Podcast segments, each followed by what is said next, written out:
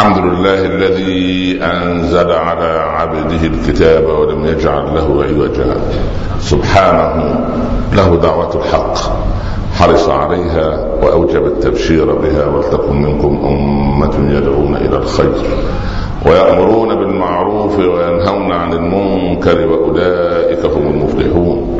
وأشهد أن لا إله إلا الله وحده لا شريك له وضع الحجة وأتم المحجة ويأبى الله إلا ان يتم نوره ولو كره الكافرون وأشهد أن سيدنا وحبيبنا محمدا رسول الله.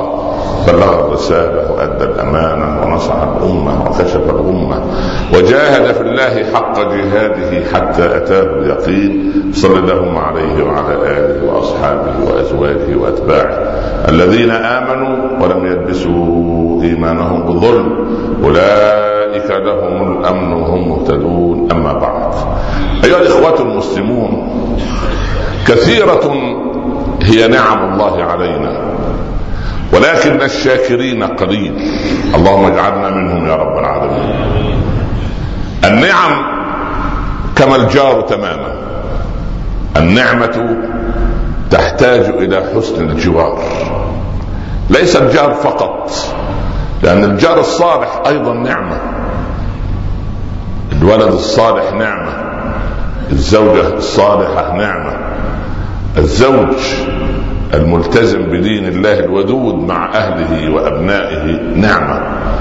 مدير العمل الذي يخلص في عمله ويتعامل مع كل الموظفين في المؤسسة أنهم ابناؤه نعمة. الحاكم الصالح نعمة. الإنسان عندما يجد الناس تبتسم في وجهه ويرزق محبة الخلق لأن الله قد أحبه فأنزل له القبول في الأرض. هذه كلها نعم تحتاج حسن جوار فهل احسنا جوار النعم؟ هذا هو السؤال. يعني جاء بعد الصديق وهو ينازع قال أنا أريد أن أولي عليكم عمر بن الخطاب. بعض الصحابة تذمروا.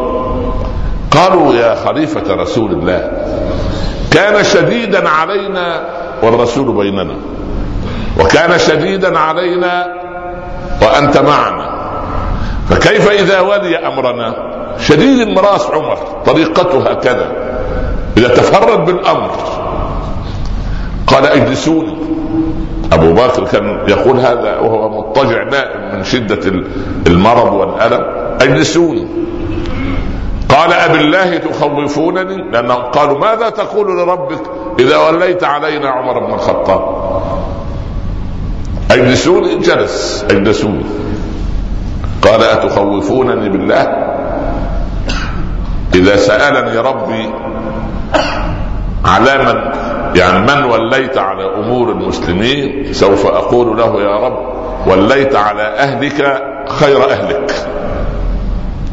وكانت نظرة أبي بكر في عمر كنظرة موسى في هارون عندما قال اجعله ردءا يصدقني واجعل لي وزيرا من أهلي هارون أخي أشدد به ازري وأشركه في أمري كي نسبحك كثيرا ونذكرك كثيرا إنك كنت بنا بصيرا. هكذا رأى أبو بكر في عمر ما لم يره البعض. وكانت إمارة عمر رحمة للناس ونصرا وفتحا. ما يقرب من عشرة سنوات أو عشر سنين وازدادوا أشهرا. وجاء المجرم أبو لؤلؤة وطعن هذا الإنسان العظيم فطعن الإسلام في ظهر عمر. ثلاث طعنات كان قبلها عمر يستيقظ من رؤيا يصلي الفجر بالمسلمين ويقول رأيت الليلة عجبا أن ديكا ينقرني ثلاث نقرات. قال وما تأويله يا أمير المؤمنين؟ قال رجل أعجمي يطعنني في الصلاة طعنات ثلاث وقد كان. المسلمون لم يحسنوا جوار عمر لأنهم ما حرسوه بحراسة خاصة. يجب على المسلمين والعربي بطبيعته رجل لا يجيد السياسة. لكن كان من الواجب أن يحرس عمر بحراسة خاصة لأن هذه يعني قيمة كبيرة ما قدرها البعض. ثم ولى أو عين مجلس شورى من ستة من الذين مات عنهم النبي صلى الله عليه وسلم وهو عنهم راضي. وقال ليختاروا لتختاروا واحدا. فإن كان ثلاثة أمام ثلاثة فليدخل عبد الله بن عمر. وقال له أنت تجلس على الباب ولا يخرجون من داخل الغرفة إلا وقد ولوا أميرا على المؤمنين. لا بد أن تكون الدولة لها رأس. يحكم. جلس عبد الله بن عمر خارج الباب وقال له وليس لك من الأمر شيء. يعني أنت لا تدخل. كفى بآل الخطاب واحدا يحاسب عن المسلمين وأمور المسلمين يوم القيامة. كانت القرابة بن عمر تهمة ومصيبة. كان يضاعف العقاب على قومه. كان مجرد الاقتراب من عمر كقريب أو صهر مسؤولية تضاعف عليه المسؤولية. وصل الأمر إلى عثمان وعلي. بعض من الناس أتعبتهم صرامة عمر ونزاهة عمر وتقشف عمر. فما احسنوا جوار هذه الأمور؟ رأوا في علي أنه استمرارية لهذه النزاهه واستمرار لهذا التقشف. الصحابة لم يكن واحد يستطيع أيام عمر على مدى عشر سنوات أن يخرج من المدينة إلى ضواحيها إلا بإذن من عمر. سوف يقول البعض هذا هذه ديكتاتورية عجيبة. لا هذه من مصالح المسلمين الكبيرة. كان يخاف إذا انتشر الصحابة في البلاد يفتن الناس بهم. يحصل فتنة. ويحصل يحدث تقديس للأشخاص كما صنعت فارس والروم.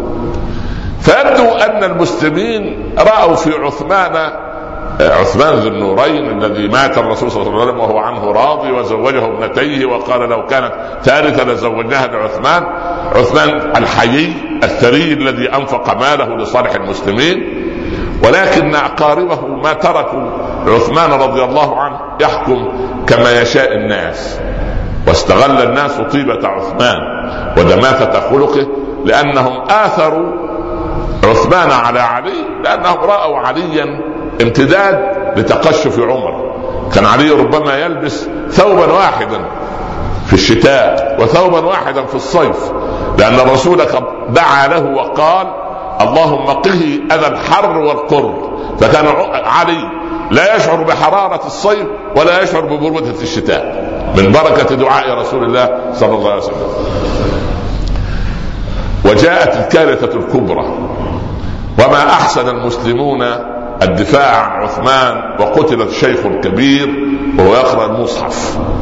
فما أحسن الناس جواره وهو الذي جعل الصحابة يكفون أيديهم ولا يدافعون عنه حتى لما بلغ علي بالأمر جاء في حالة من الفزع الشديد ولطم ابنه الحسن وقال كيف لا تدافع عن عمك أمير المؤمنين؟ قال يا ابت هو الذي نهانا أن يعني أن نشهر سيفا في وجه أحد.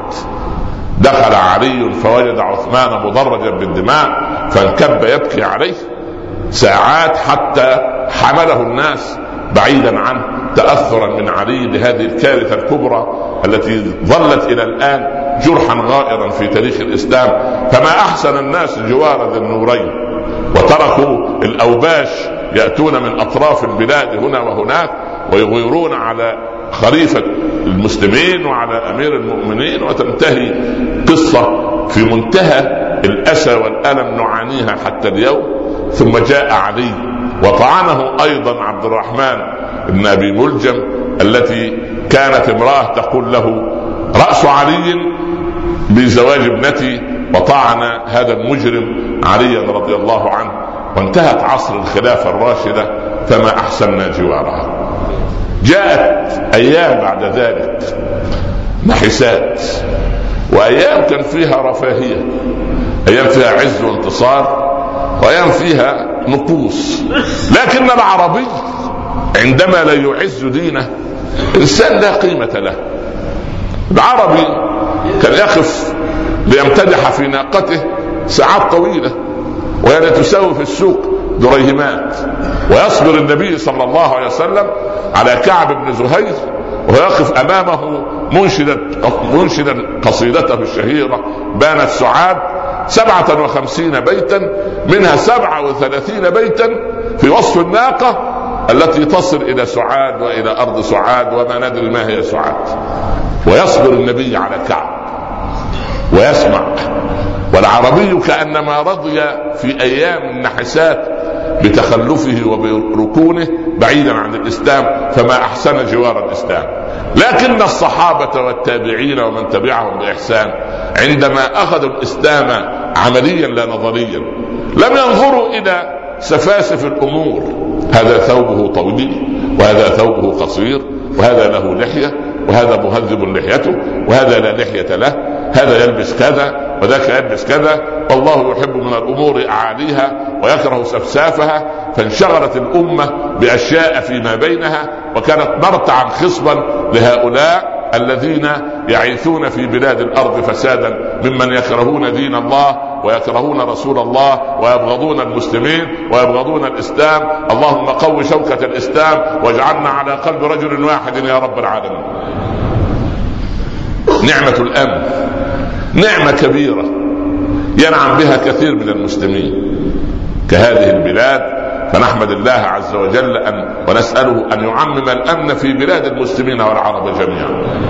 لأن الذين يعيثون في الأرض فسادا ويقتلون شعوبهم ويغتصبون أعراضهم. هؤلاء أناس لا أقول إنهم من جذور عربية ولا من جذور إسلامية ولكن هذه جذور شيطانية ربوا من الحرام وغذوا من الحرام ولحمهم سحت وكلامهم والعياذ بالله وأفعالهم لا لا ترضي الله ولا رسوله ولا المؤمنين. نسأل الله سبحانه وتعالى أن يكف اليد الباسط الباطشة عن أبنائنا في سوريا وأن يحفظ أعراضهم وأموالهم ودينهم وأنفسهم وذكراهم وذكرانهم وإناثهم. أنت ولي ذلك والقادر عليه. نسألك وأنا فوق هذا المنبر أن من أراد بمسلم سوءا فردد اللهم سوءه إليه واجعل تدميره في تدبيره يا رب العالمين. أصلح ذات بيننا أصلح بين الحكام والمحكومين أصلح بين الراعي والرعية. اجعلنا على قلب رجل واحد وفقنا لما تحب وترضى. لا تؤاخذنا بما فعل السفهاء منا. أنت ولي ذلك والقادر عليه. إن لم نكن أهلا لرحمتك فرحمتك أهل أن تصل إلينا. يا رب العالمين. أنت نعمة الإسلام ووجود العلماء نعمه كم كنت أود شخصيا أن يسلمني المسلمين المسلمون مئة من أبنائهم مئة فقط من شتى العرقيات والجنسيات في سن العاشرة. يدرسون في المدارس ولكن نختارهم كعباقرة وأذكياء. بعد الظهر يتفرغ الإنسان لهم ليعلمهم ماذا كان يجب على المسلمين بعد استشهاد عمر وقتل عثمان ومقتل علي والصراع الدموي الذي قام بين الفرق المختلفة. هذا يكفر هذا وهذا لا يصلي خلف هذا. هؤلاء كانوا يقتلون المسلمين الخوارج. كان يقتل المسلم وإذا رأى الكافر يقولون احفظوا عهد وذمة رسول الله. سبحان الله العظيم. يدخل ابن عمر على ابن عمر رجل. ويقول له يا إمام ما حكم من يصلي وفي ثوبه دم البراغيث. ابن عمر تشكك في السائل. قال من أين يا رجل؟ فلما علم المكان الذي جاء منه قال تستبيحون دم الحسين ابن بنت رسول الله صلى الله عليه وسلم وتسأل عن دم البراغيث. سبحان الله. تتركون الكبائر وتسألون عن الصغائر. سبحان الله العظيم. كنت أود أن يترك للإنسان ولبعض من العلماء تربية جيل جديد من الأطفال على فهم الإسلام فهما حقيقيا ليس تحت عناوين معينة. فالجماعات يكفر بعضها بعضا ويفسق بعضها بعضا ويهاجم بعضها بعضا. كنت أود أن يترك هؤلاء الأطفال لنا. نغرس فيهم الخير بعد العودة من المدارس وإنهاء الواجبات. يجلسوا ساعتين مع علماء ربانيين يعلمونهم كيف نفهم ديننا إلى متى تظل الأمة مستهلكة ويدها سفلى وتنتظر من الآخر والآخر ينظر إلينا باحتقار ونحن نقول إنها مؤامرة ونظرية المؤامرة وخلاف هذا نحن نتآمر على أنفسنا لأننا ما أحسننا جوار الإسلام الإسلام نعمة كبيرة ولكن ما أحسننا جوارها أنت سبحان الله العظيم بالله عليك لما رزقك رب العباد عز وجل زوجة طيعة هل سجدت لله شكرا يوما؟ ودعوت لأبيها بالخير وأمها أن ربتها على أحسن تربية. حتى وإن ظهرت منها هنات فأنت وأنا فينا كل الهنات وكل العبر لأن كل بني آدم خطاء. هل رأيت زوجة تقول لزوجها مرة أنا سجدت لله بالأمر سجدة شكر أن رزقني رب العباد مثلك أم أنها تقول لأمها أنا أدعو عليه في كل سجدة؟ أي أي الزوجتين عندك؟ وأي الأزواج أنت؟ سبحان الله. هل لما رأيت ولدك يعني يسرع إلى الوضوء والصلاة هل سجدت لله وقلت هذه نعمة كبيرة يجب أن أحسن استغلالها وأن أحفظه كتاب الله وأن أدعو له ليل نهار وأن أرتزق من الحلال حتى أطعمه حلالا وأن أدعو له في كل وقت حتى يعني يجنبه رب العباد شياطين الإنس والجن. أحبتي في الله نعم الله علينا كثيرة. وإن لم نحسن جوارها زالت عنا وقلما عادت إلينا. اللهم اجعلنا من الشاكرين يا رب العالمين. أقول قولي هذا وأستغفر الله لي ولكم.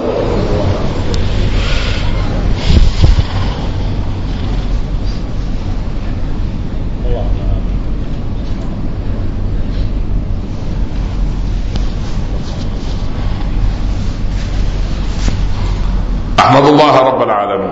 وأصلي وأسلم على سيدنا رسول الله صلى الله عليه وسلم. ثم أما بعد أحبتي في الله من أكبر النعم المكررة اسبوعيا نعمة خطبة الجمعة.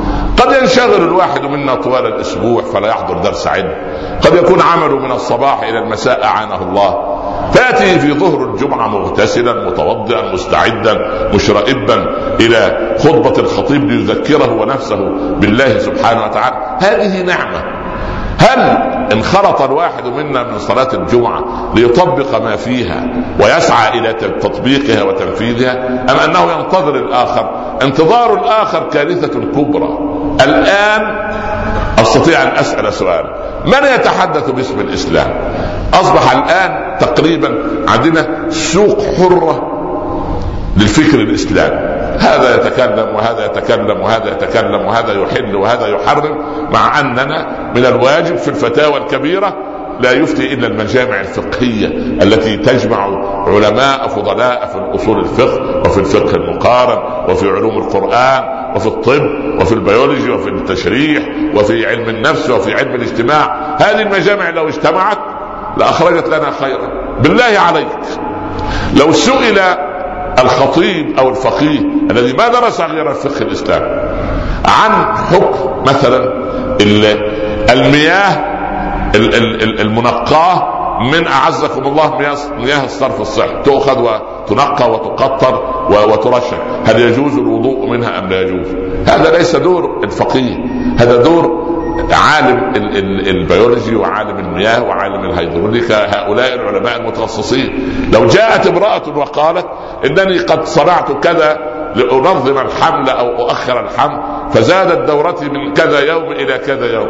ما علاقة الفقيه بالفتوى؟ ما الذي أدراه أن هذا حيض أم استحاضة؟ بالعكس هو الواجب يسأل يتدخل في المجمع الفقهي متخصص في أمراض النساء حتى يقول ما هذا الدم الذي يأتي؟ هل هو تبع الدورة أو خارج الدورة لا حياء في العلم. هذا أمر لا يستطيع أن يفتي به هذا الإنسان. لو جاءني سائل الآن وقال أنا رجل عندي كلية معطلة ولا تعمل الكلية الثانية إلا كذا وعندي أيام صيام هل لي في الصيام أم لا أصوم؟ أنا لا أستطيع أن أفتيه إلا إذا اتصلت بهذا الإنسان المتخصص في الكلى والمسالك البوليه أسأله حالة هذا المريض إذا امتنع عنه الماء خمس عشرة ساعة. هل تضره أم لا تضره؟ يسترشد الفقيه بعالم الطب ويسترشد بعالم البيئة ويسترشد بعالم الأمراض النساء ويسترشد بعالم التشريح وغيرها عندما نتكامل وينظر العالم إلينا باحترام.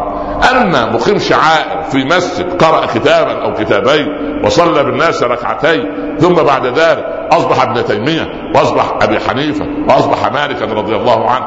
عصر الفقيه الأوحد قد ولى. فوجب علينا أن نحسن جوار العلماء الذين بقوا على الساحة حتى نستطيع أن يأخذ بعضنا بأيدي بعض ونصل إلى بر السلامة في أن نرشد الأمة للخير.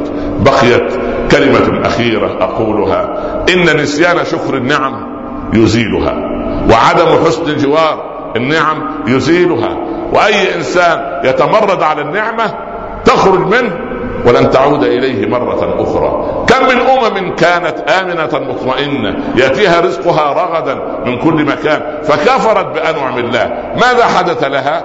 أذاق الله أذاقها الله لباس الجوع والخوف. لماذا؟ لأن ما شكرت وما أحسنت جوار النعم. الإنسان على مستوى الأسرة على مستوى الفرد أحسن جوار نعم الله عندك.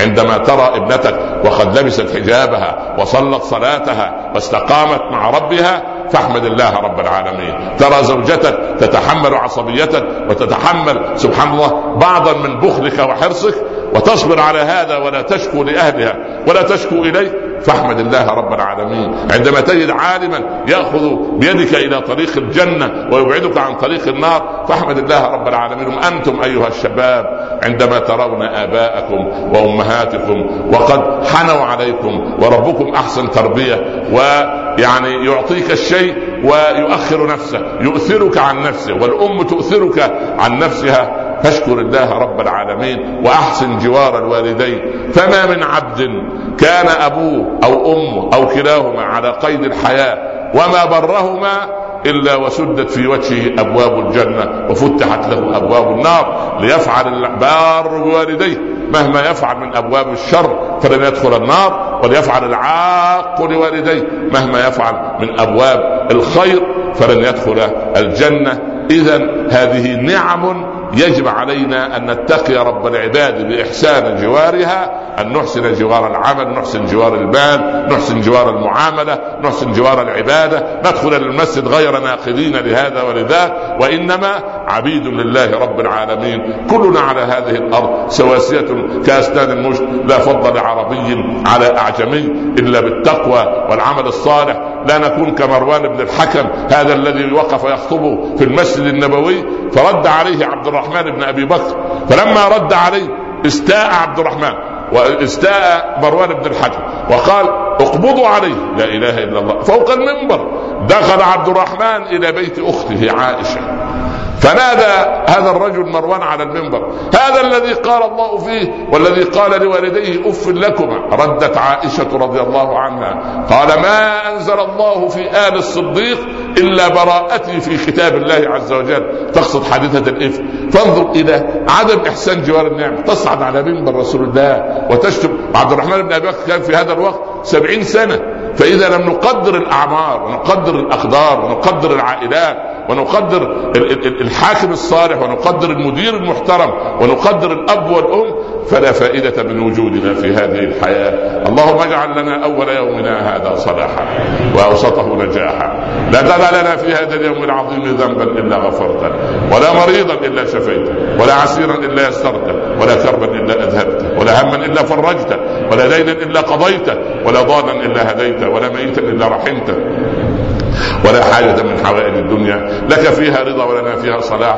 إلا قضيتها ويسرتها يا رب العالمين. اللهم خذ بيد أبنائنا وبناتنا في الامتحانات. ووفقهم إلى ما تحب وترضى. واجعل بيوتنا آمنة مطمئنة برحمتك يا أرحم الراحمين. وارزق بناتنا بأزواج صالحين. وأبنائنا بزوجات صالحات. واغفر لنا وارحمنا وأنت خير الغافرين. كف يد البطش عن الشعب السوري. اللهم من أراد بالمسلمين سوءا فاردد اللهم سوء إليه. اللهم اجمع كلمة إخواننا في العراق على قلب رجل واحد واجعل كلمة إخواننا في فلسطين على قلب رجل واحد واجمع كلمة إخواننا في اليمن وفي مصر وفي ليبيا وفي السودان وفي اليمن وفي كل أرض تعبد فيها يا رب العالمين. اطرد عن هذه البلاد شياطين الإنس والجن اجعل هذا البلد آمنا مطمئنا وسائر بلاد المسلمين. سخاء رخاء يا رب العالمين. واختم لنا منك بخاتمة السعادة أجمعين. وصلى الله على سيدنا محمد وعلى آله وصحبه وسلم يا رب تسليما كثيرا. بسم الله الرحمن الرحيم والعصر. إن الإنسان لفي خسر إلا الذين آمنوا وعملوا الصالحات وتواصوا بالحق وتواصوا بالصبر. صدق الله ومن اصدق من الله قيلا.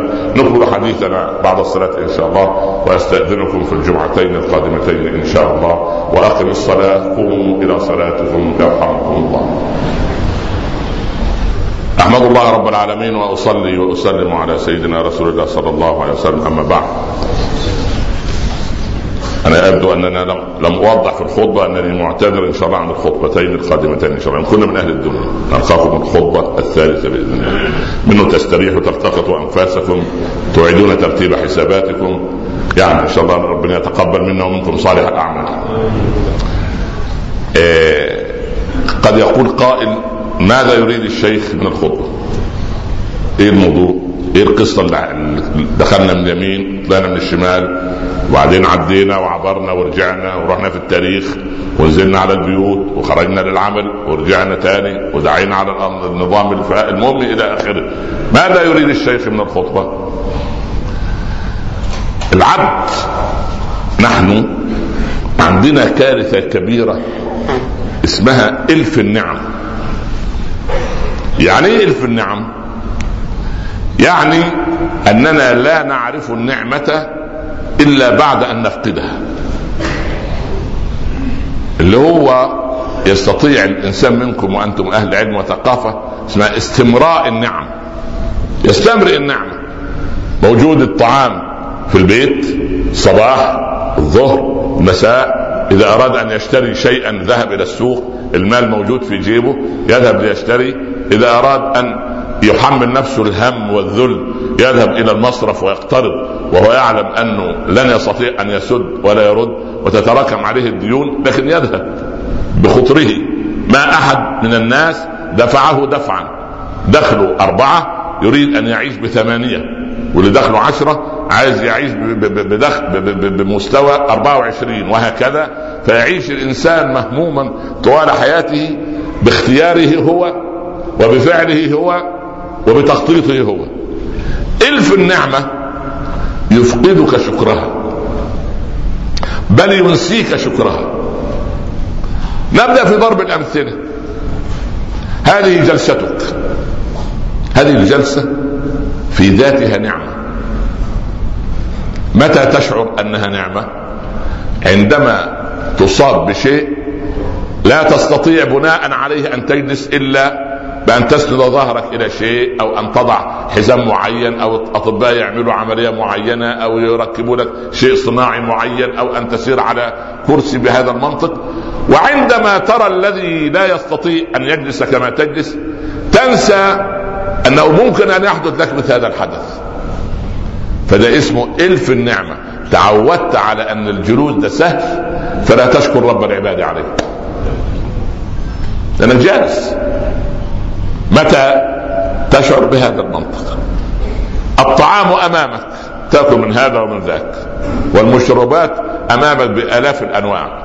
لكن بعض الأطباء يحذرون بعض الناس إياك أن تأكل هذا إياك ان هو يتمنى أن يترك كل المأكولات التي يأكلها ويأكل الطعام الذي إيه؟ الذي منع منه. هذه خاصية آدم وبنيه. آلاف الأشجار في الجنة.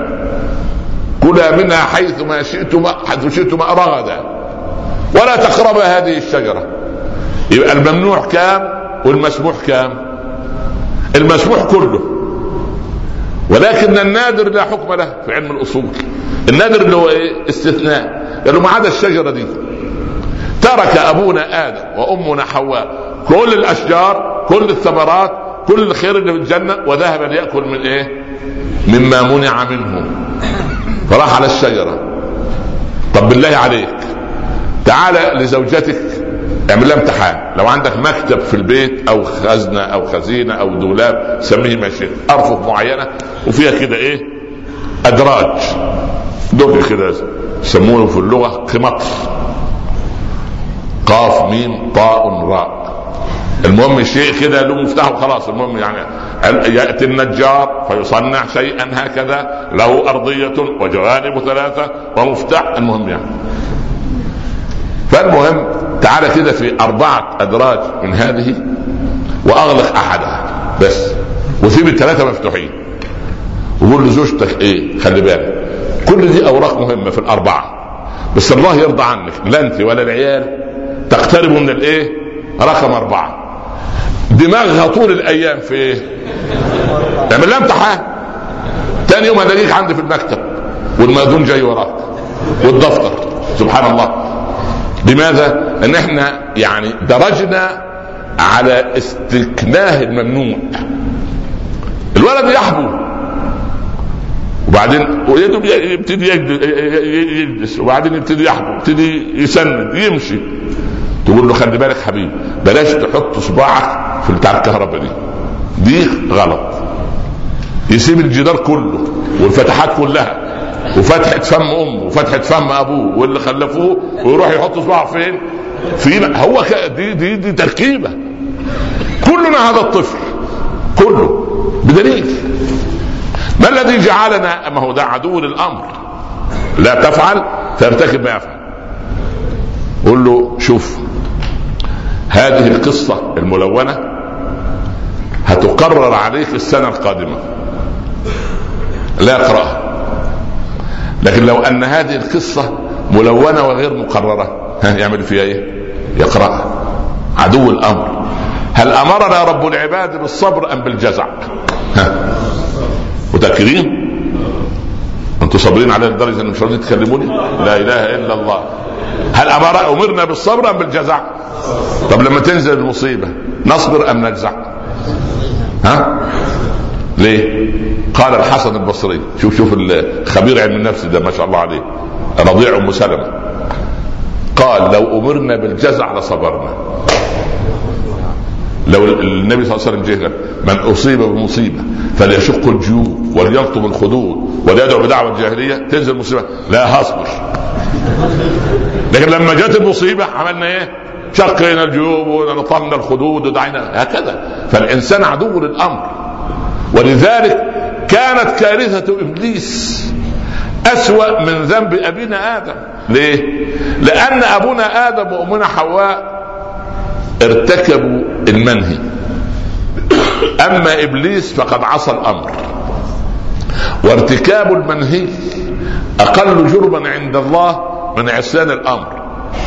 إبليس أمر بأن يسجد فعصى رد الأمر على الامر فصارت مصيبته كبيرة. فما فتح له باب التوبة. أبونا آدم وأمنا حواء ارتكبوا المنهي ليه لانها تتساوى وتتماسى مع غرائزه. ماشية مع الإيه؟ مع الغرائز بتاعته. فهو غريزته أنه إيه؟ يأكل ويشرب ويصنع ويفعل. سبحان الله. طيب. هل قال الله عز وجل قل للمؤمنين لا يغضوا أبصارهم. يغضوا أبصارهم. امرنا بالغض ولا باطلاق البصر؟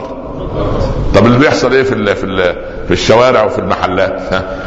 غض ولا ولا إطلاق؟ خلي بالك. وبعدين الشياطين الإنس لم يتركوك تحاول الغض بس لا. ده راحوا عملوا سبحان الله شوف يعني إبليس لو اجتمع مع أولاده خنزب على الثاني على أخوه على أخوه على سبحان الله. ال ال الإمام أبو حنيفة دخل عليه رجل. قال له هل إبليس متزوج؟ قالوا نعم. قالوا ما اسم زوجته؟ قال له والله عقد لم أحضره. أنا حضرت أنا أنا كتبت الكتاب. في إيه يا اخوانا بس؟ محمد الأسئلة العجيبة. المهم فيؤتوا تلاميذ إبليس ويعملوا إيه؟ تجد ما فيش مجلة تباع إلا وفيها أشكال وألوان. وبعدين هي ستين صفحة منها 80 صفحة أدوات مكياج من الستين و80 تانيين شوية عرايا وبعدين يوزع السوق ومبسوط وبعد بعد ما يخرج المجلة نروح بقى نصلي المغرب. الله أكبر. ده بيساعدك على غض البصر ولا بيساعدك على إطلاق البصر؟ لا حول ولا قوة إلا بالله. يعني اذا لو عاش الصالحون بيننا ورأوا كيف نحن غيرنا مفاهيمنا لدين الله عز وجل سبحان الله العظيم لا إله إلا أنت. ابن عمر لما وجد أمنا عائشة خارجة تركب بغلة ومعها خادماتها. إلى أين يا أم المؤمنين؟ قالت لأصلح بين بني فلان وبني فلان. جماعة زعلوا بعض فانا أروح كده بقى إيه؟ اصلح بينهم ابن عمر ما بين أمرين. إما أن يسكت لأن دي أمه. ومين؟ وعائشة.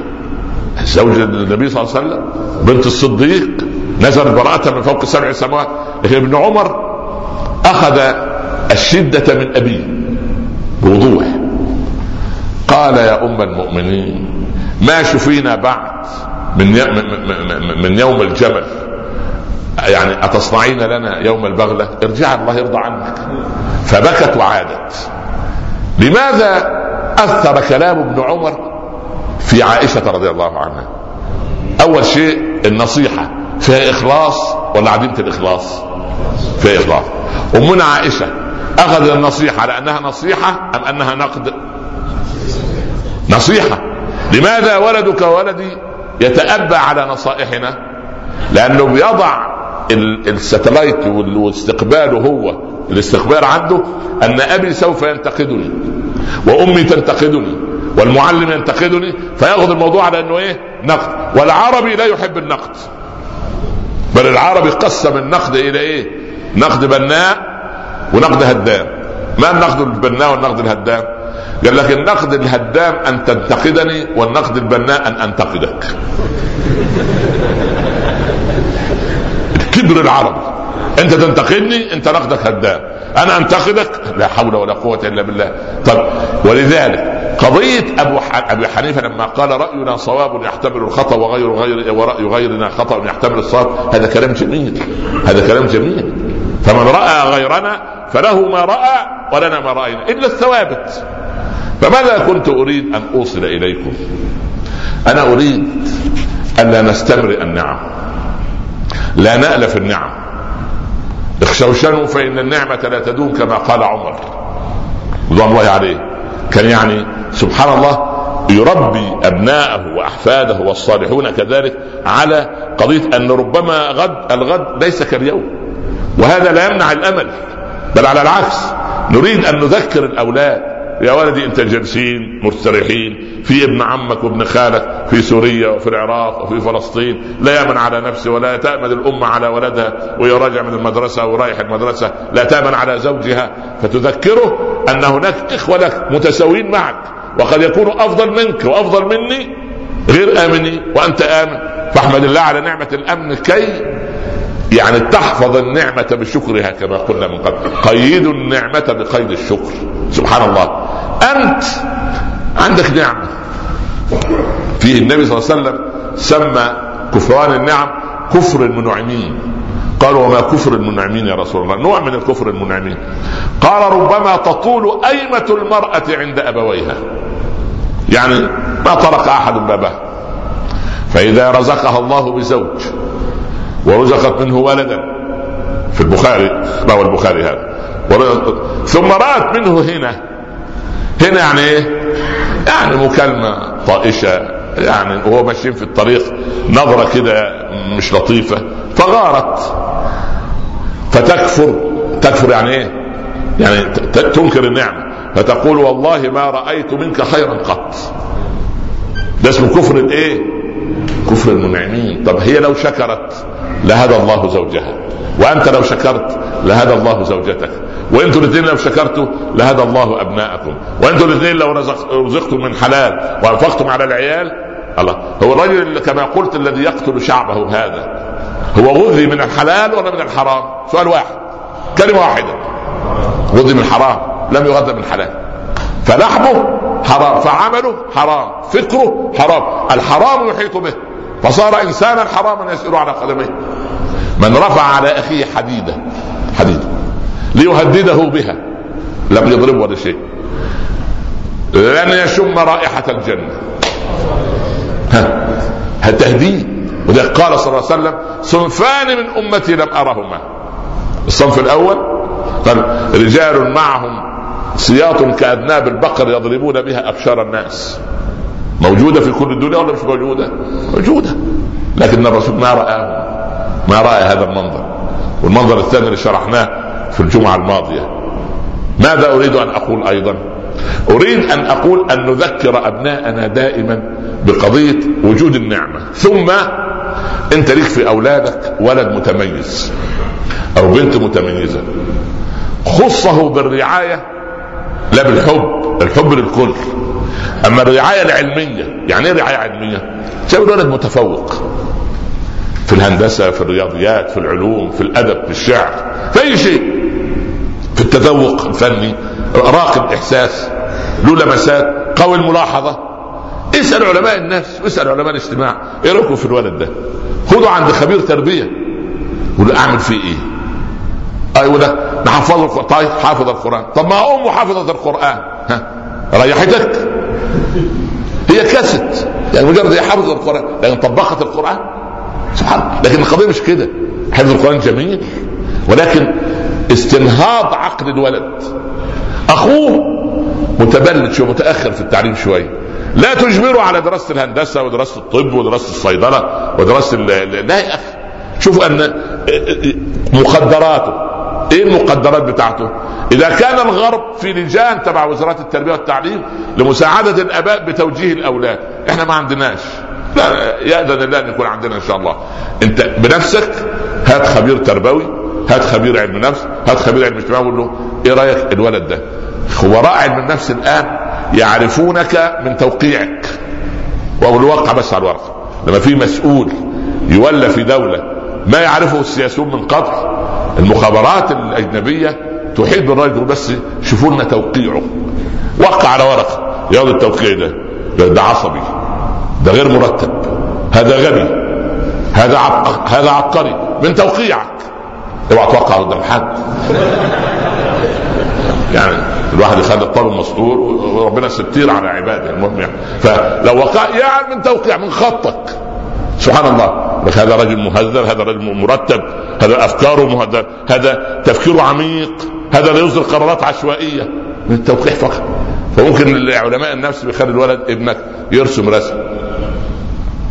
خليه كده يرسم أمه. أمه دايما إيه؟ احلق شعر. نظف أسنانك. صليت الظهر ذكرت الواجب. خليه يرسمها في الصفحة. عارف يرسمها فين؟